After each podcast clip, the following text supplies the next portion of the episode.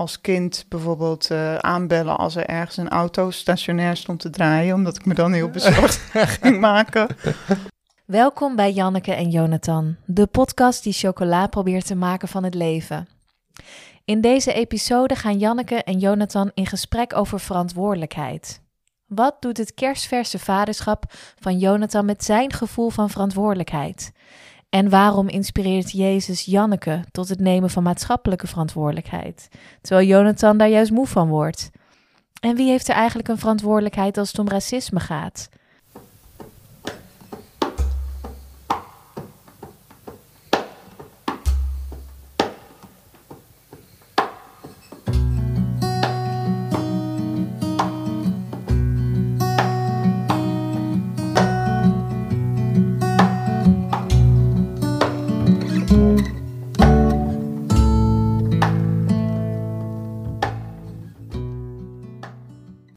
Jonathan, ik vraag me af, jij bent uh, net voor de tweede keer vader geworden.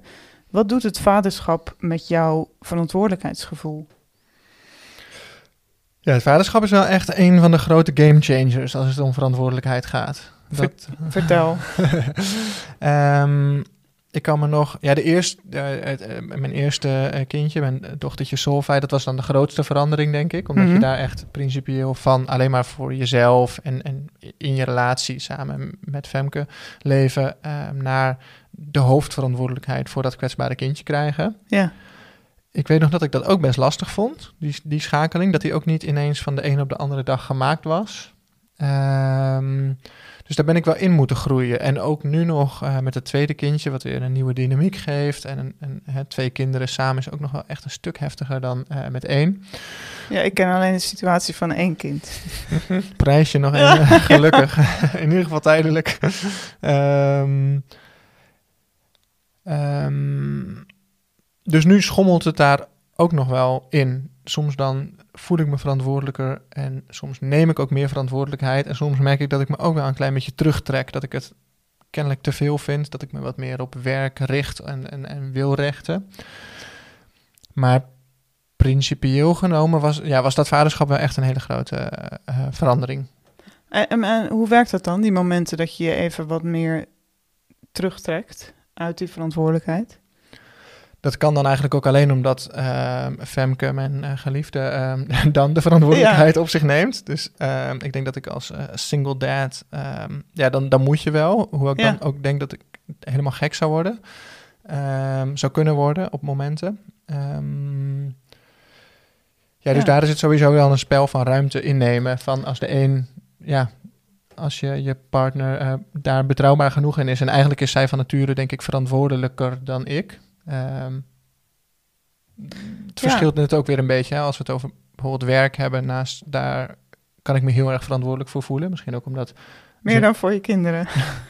soms wel, ja, nee, om eerlijk te zijn. Soms dan. Um, um, en dat is dan niet een coole berekening, maar dan merk ik gewoon van ik, het speelt de hele tijd door mijn hoofd. Ik wil, ik wil dat het goed loopt. Je hebt die dingen uitgezet. Het is natuurlijk ook echt mijn kindje, uh. Zinnig Noord.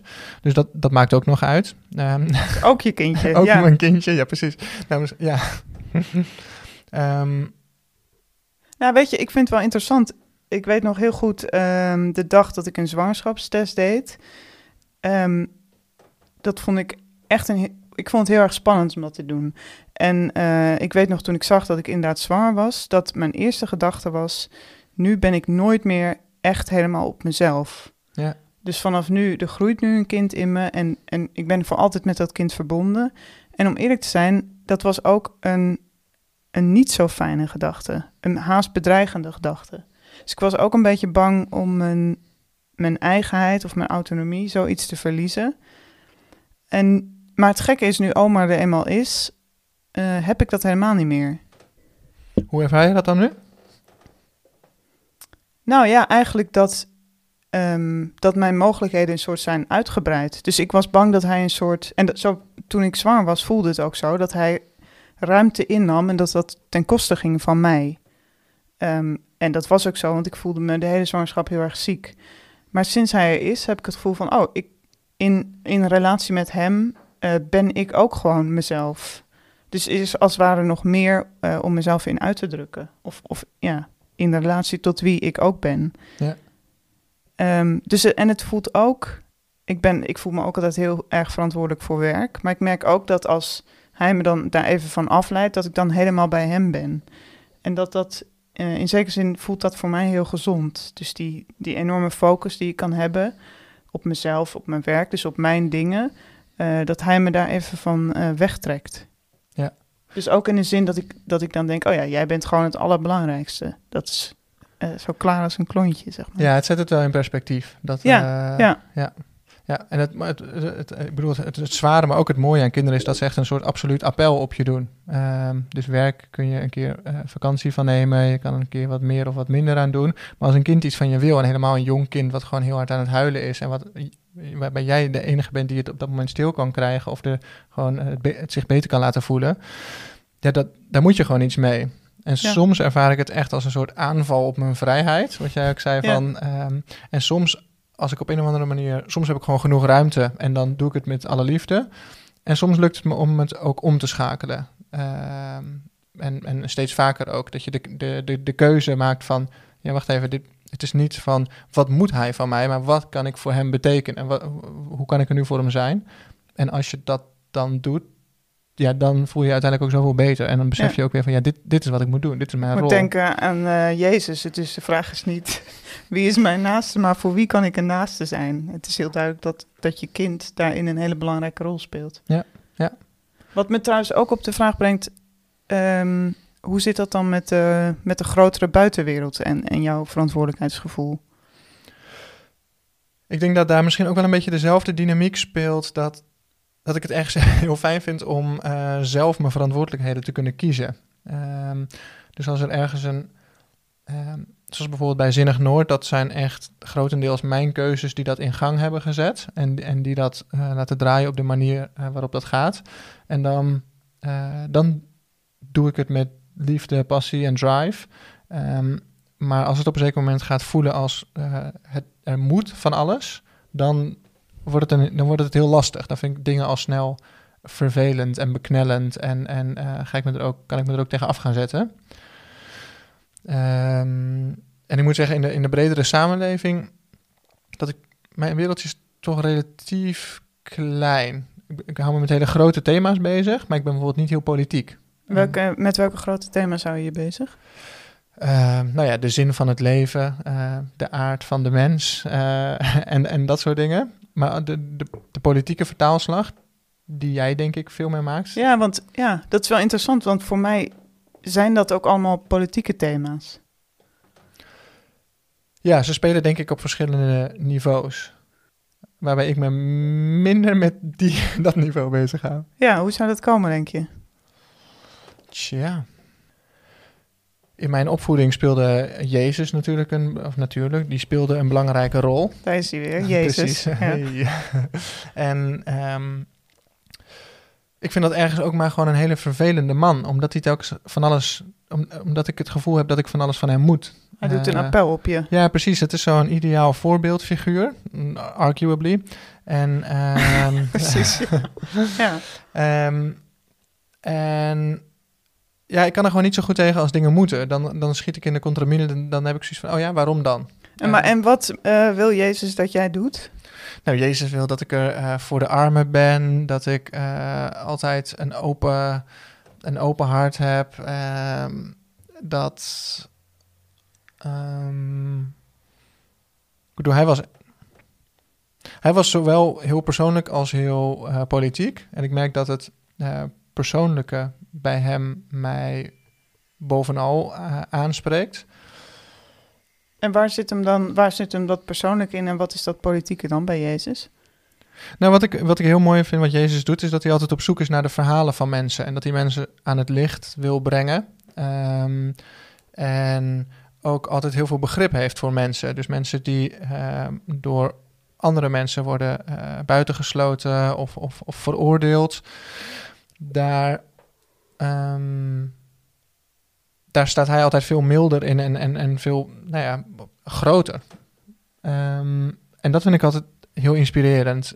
Dat is wel echt mijn overtuiging dat hoe beter je iemand begrijpt, hoe milder je over het algemeen over iemand zal worden. Uh -huh. En uh, hoe minder snel je eigenlijk hoef te oordelen of überhaupt niet meer. En, en dan, eh, en dat politieke? Nou, dus ik vind, ja, het is gewoon zo groot en ongrijpbaar. Dus het is één ding om in je, eh, in je persoonlijke context, als je ehm, een keer, als je een kwetsbaar iemand tegenkomt, om daar op een goede manier mee om te gaan. Of als je ziet dat iemand niet aan het licht komt, of, of als iemand in het duister uh, verkeert op uh, enige manier, daar iets aan proberen te doen door er te zijn, te luisteren, oplossingen te geven misschien. Maar om de hele samenleving zo te transformeren dat er geen uh, armoede of onderdrukking of dat lijkt me altijd zo'n onhaalbaar karwei. Dus daar word ik bij voorbaat al een soort van moe en ook een beetje um, wanhopig van. Oh, ja. ja, terwijl dat voor mij juist het moment is waarop ik aanga, zeg maar. Of, of waarop ik denk, oké, nu wordt het relevant. Ja, ja, want hoe zit dat bij jou? Nou ja, bij mij is het ook uh, misschien, ik leg misschien iets meer nadruk op Jezus als uh, rebel, zo niet revolutionair. En ik denk ook altijd, het persoonlijke is politiek. Dus dat is ook zo'n, uh, zeg maar, feministisch uh, statement.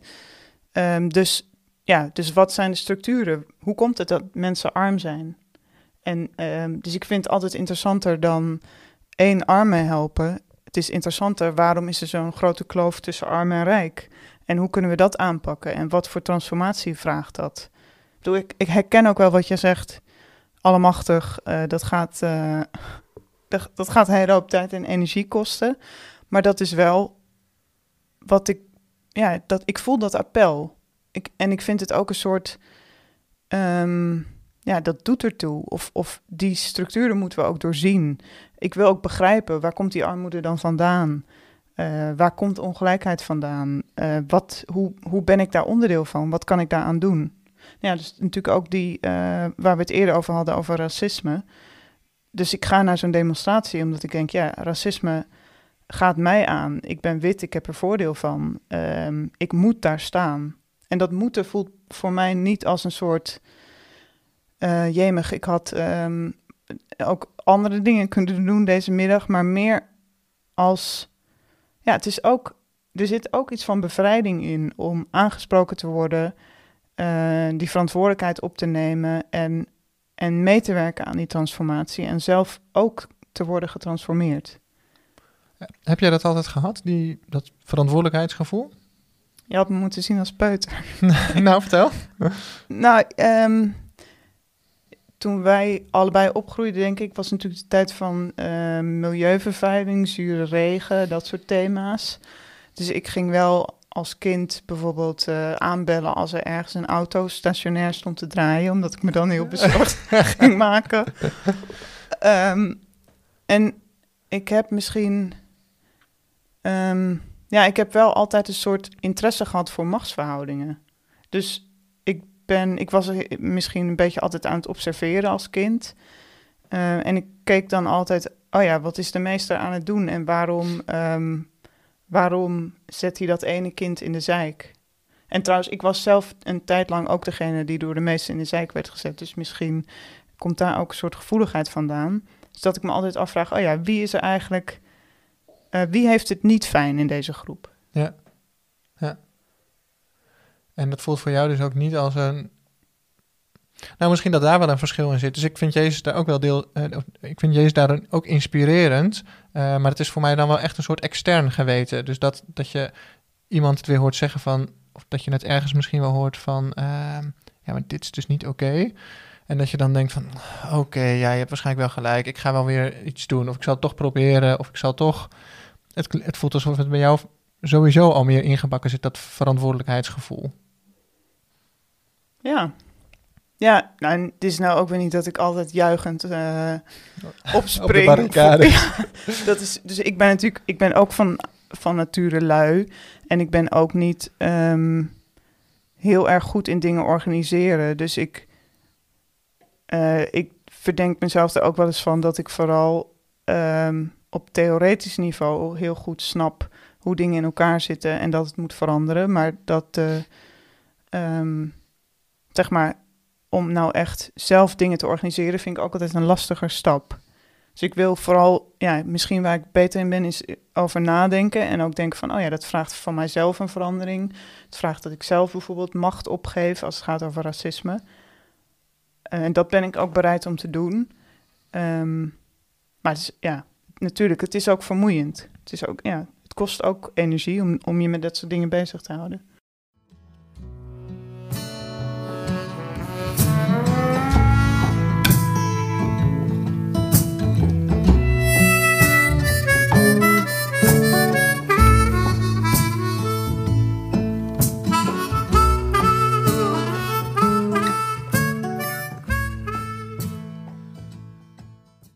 Dat er ook wel een verschil in zit van wie is de, ehm, de vijand, om hem dan even scherp te stellen.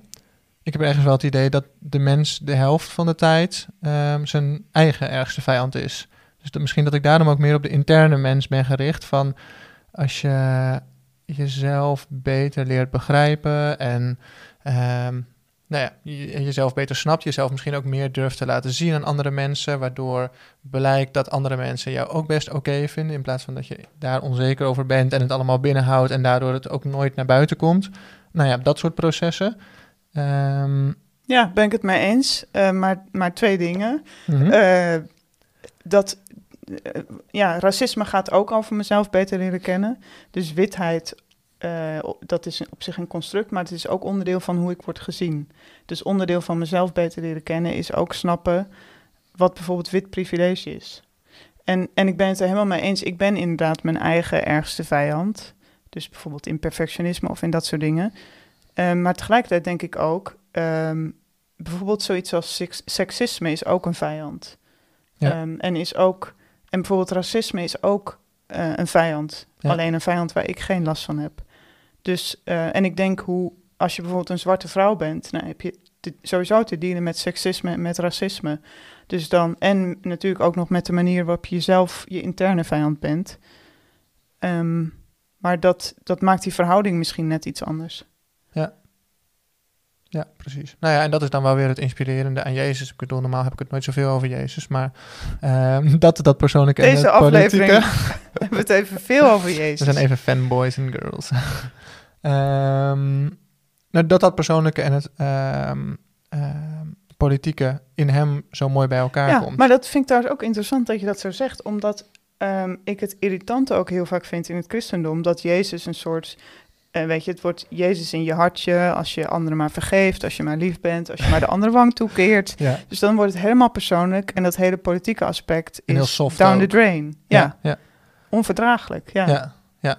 ja, precies. Ja. En dat vind ik vooral ongelooflijk irritant en ook naar aan christendom, want daardoor zie je, of daardoor, dus ik ben heel erg van de bevrijdingstheologie, hè, dus altijd wel die analyse maken van macht en dus wel altijd het persoonlijke vertalen naar het politieke. Maar als je dat niet doet, dan wordt christendom ook een soort heel onkritisch op de macht. En, en staat het juist vaak aan de kant van de macht. Ja. En bedekt het onrecht en dat soort dingen. Dus dat is, um, dat vind ik ook echt foute boel. Ja, precies. Ja, ja. Ja, en dat is ook wel iets wat ik zie uh, als je in bredere zin uh, kijkt naar uh, spirituele stromingen, hoe dit nu in Nederland, hè, waar men zich zoal mee bezighoudt als het gaat om yoga en meditatie. En daar zit het politieke ook veel minder in. dus op dat moment, dus het mist op dit moment denk ik überhaupt wel een beetje in die, in die laag. Terwijl ja. die er, um, dat hij er eigenlijk mee verbonden is. Ja, nou ja dus dat vind ik ook spannend uh, dat dat een van de dingen is die wij willen laten terugkomen in de, deze podcast. Ja. Dus dat spiritualiteit uh, niet alleen dat privé persoonlijke is, maar dat het ook gaat over ja, zeg maar transformatie van jezelf en transformatie van uh, de, de, de context waarin we leven. Ja. ja, ik moet denken aan een mooi, ik weet niet meer van wie het, dus het citaat of de uitspraak was, maar um, hè, als het gaat over mystieke ervaringen, um, ik las ergens of hoorde, uh, dat veel mensen hebben wel eens iets van een mystieke ervaring gehad. Dus een ervaring waarin ze zich heel erg sterk verbonden voelden over allerlei grenzen uh, uh, heen met andere mensen, misschien met de natuur, um, met alles wat er bestaat misschien zelfs. En dat is in, in spiritualiteit natuurlijk een hele belangrijke um, ervaring, omdat je daarin weet van hé, hey, ik ben toch niet zo klein als ik zelf dacht of zo afgescheiden van de rest. Eh, misschien ben ik wel verbonden, misschien is dat, dat kleine ik niet eens de meest relevante eenheid. Uh-huh. Ehm, en een, een mysticus, eh, dus waar zeg maar, een mysticus zich onderscheidt van eh, iemand die een mystieke ervaring heeft gehad, is dat hij daar zijn hele leven door die ervaring laat transformeren. Dus door het besef van, ik ben niet afgescheiden, wij horen bij elkaar. Jouw pijn is ook mijn pijn, jouw geluk is ook mijn geluk en, en mijn geluk is jouw geluk. En vanuit dat besef leven, ja, lastig, maar echt heel mooi. Ja, ja, dus dat eh, is ook voor mij wel een drijfveer. Niet om te zeggen dat ik een mysticus ben, maar wel, ja, ik probeer dat wel voor mezelf levend te houden. Dus dat besef, eh, we horen bij elkaar. Dus als één iemand eh, pijn lijdt, dan lijden we allemaal pijn. Of dan, dan eh, is dat ook mijn pijn. Ja. Wat me trouwens ook, heb jij wel eens een eh, mystieke ervaring gehad? Of bewaren we dat tot een andere aflevering? Ehm, Dus even als teaser. ja, precies. Ja. ja, nee, ik heb wel eens een mystieke ervaring gehad. Ja, ja, daar kunnen we het wel eens over hebben. Heeft dat jou tot een mysticus gemaakt? dat heeft wel een blijvende impact gehad. Ehm, nee, ik ben in die zin helaas niet zo diep ervan doordrongen dat het altijd in, in, overal in meespeelt. Maar het besef dat ik ten diepste niet alleen ik ben, maar eh, bij de rest hoor en, en onderdeel van de rest ben, of van, van het grotere geheel, dat is wel een redelijk vast onderdeel in mijn denken geworden. En soms Mhm. moet ik mezelf daar wel aan herinneren, maar dat is in ieder geval zo van. En, en, en dat begon wel redelijk met die ervaring. Je hoort Mhm. die ideeën natuurlijk al wel eens uit, uit, uit verschillende hoeken. Eh, maar dat werd toen wel realiteit. Nou, daar ga ik graag nog een keer dieper met je over Leuk, in gesprek. En wa- iets wat we ook nog, eh, daar gaan we nu ook niet eh, uitgebreid over hebben, maar ehm, ehm, we hadden het over die demonstratie ehm, tegen racisme en dat, het, dat speelt op dit moment natuurlijk heel, heel sterk. Ik denk dat er heel veel mensen zijn die, die het met die demonstraties eens zijn misschien. Nou ja, nog even afgezien van dan eh, de corona, maar die, die dat ook verschrikkelijk vinden wat daar gebeurd is. Ehm, en die tegelijk zoiets hebben van, wat, wat ehm, en, en die zoiets hebben van, wat kan ik daar nou aan doen? Wat is daar nou mijn verantwoordelijkheid? Ehm, wat, wat zou je tegen die mensen zeggen? Ja, dus dat is inderdaad een thema waar ik me heel veel mee bezig hou. En eh, dus ik voel ook onmiddellijk mezelf eh, overborrelen van dingen die ik wil zeggen. Janneke gaat aan. Ah, als jij zo'n vraag stelt. Ja. Nou ja, ten, wat mij dus daarin heel heeft, erg eh, heeft geholpen, en dat past eigenlijk wel wat, bij wat jij net zei over mystiek, is dat ik, dat ik er niet buiten sta. Dus dat ik er onderdeel van ben. Dus racisme is niet een soort probleem van andere mensen, maar racisme betekent dat ik ehm, als wit mens voordeel heb en dat zwarte en bruine mensen eh, daardoor worden geschaad door datzelfde systeem. Ehm, en dat, dus dat ik erin zit, betekent ook dat ik of onderdeel ben van het probleem of van de oplossing. Dus, dus daar, daarin zit ook mijn macht. Ik kan dus iets doen. En hoe zou je die, als het dan over verantwoordelijkheid gaat, ehm, dus iemand die, ehm, nou iemand als ik, oké. Eh, we hadden het de laatste over, ik ben niet een enorme activistische antiracist. Ehm, het thema gaat me wel aan het hart, maar ook niet altijd even veel. Het is, En ik ga jou dus transformeren in deze podcast. ik ben heel benieuwd. Ehm, nou, we hadden het over de vraag van, ehm hè, we maken bij Zinnig Noord allerlei programma's. Ehm, de sprekers zijn over het algemeen wit. Ehm, redelijk divers in, op allerlei manieren, maar ze zijn wel over het algemeen wel vrij wit. Ehm, is het dan mijn verantwoordelijkheid om meer gekleurde, zwarte, bruine eh, sprekers aan te trekken, op, op, op het spoor te komen? Want ze zijn ondervertegenwoordigd in, in, in de zingevingssector, zeg maar.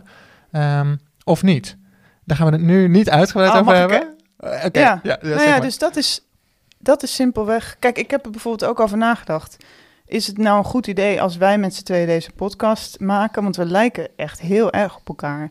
We zijn twee witte, hoger opgeleide, hetero, cisgender eh, mensen met een christelijke achtergrond. Hoe gaat dat spannend, hoe gaat dat spannend zijn? dus, ehm, en, en ik, ja, ik hecht er dus ook heel erg aan om verschillende mensen met verschillende posities en dus verschillende ervaringen aan het woord te laten. En het is simpelweg ook iets. ehm, wij maken deze podcast, daarmee hebben we een podium. En wij kunnen dan beslissen ja, aan wie, met wie delen we dat podium? Dus ik, en dat vind ik, eh, het wordt voor mij ook, eens, ook denk ik gewoon leuker, spannender, een mooier podium als, daar, eh, als dat een divers podium wordt. En is dat mijn verantwoordelijkheid? Zeker. Oké, daar gaan we het verder over hebben later. Ja, heel graag.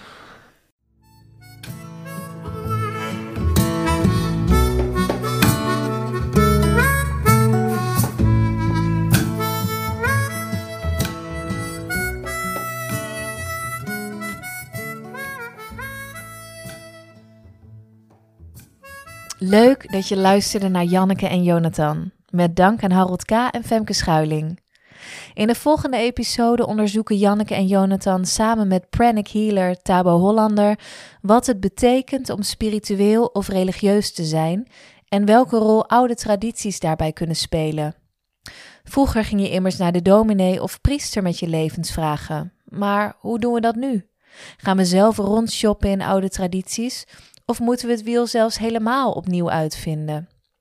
Het drietal heeft het ook over de grote vraag: hoe krijgen die mooie ideeën nou vorm in de praktijk? Waar helpt het hen verder in hun dagelijks leven en waar blijft het schuren? Luister je weer mee? dit leven. Dit is. Dit nu leven.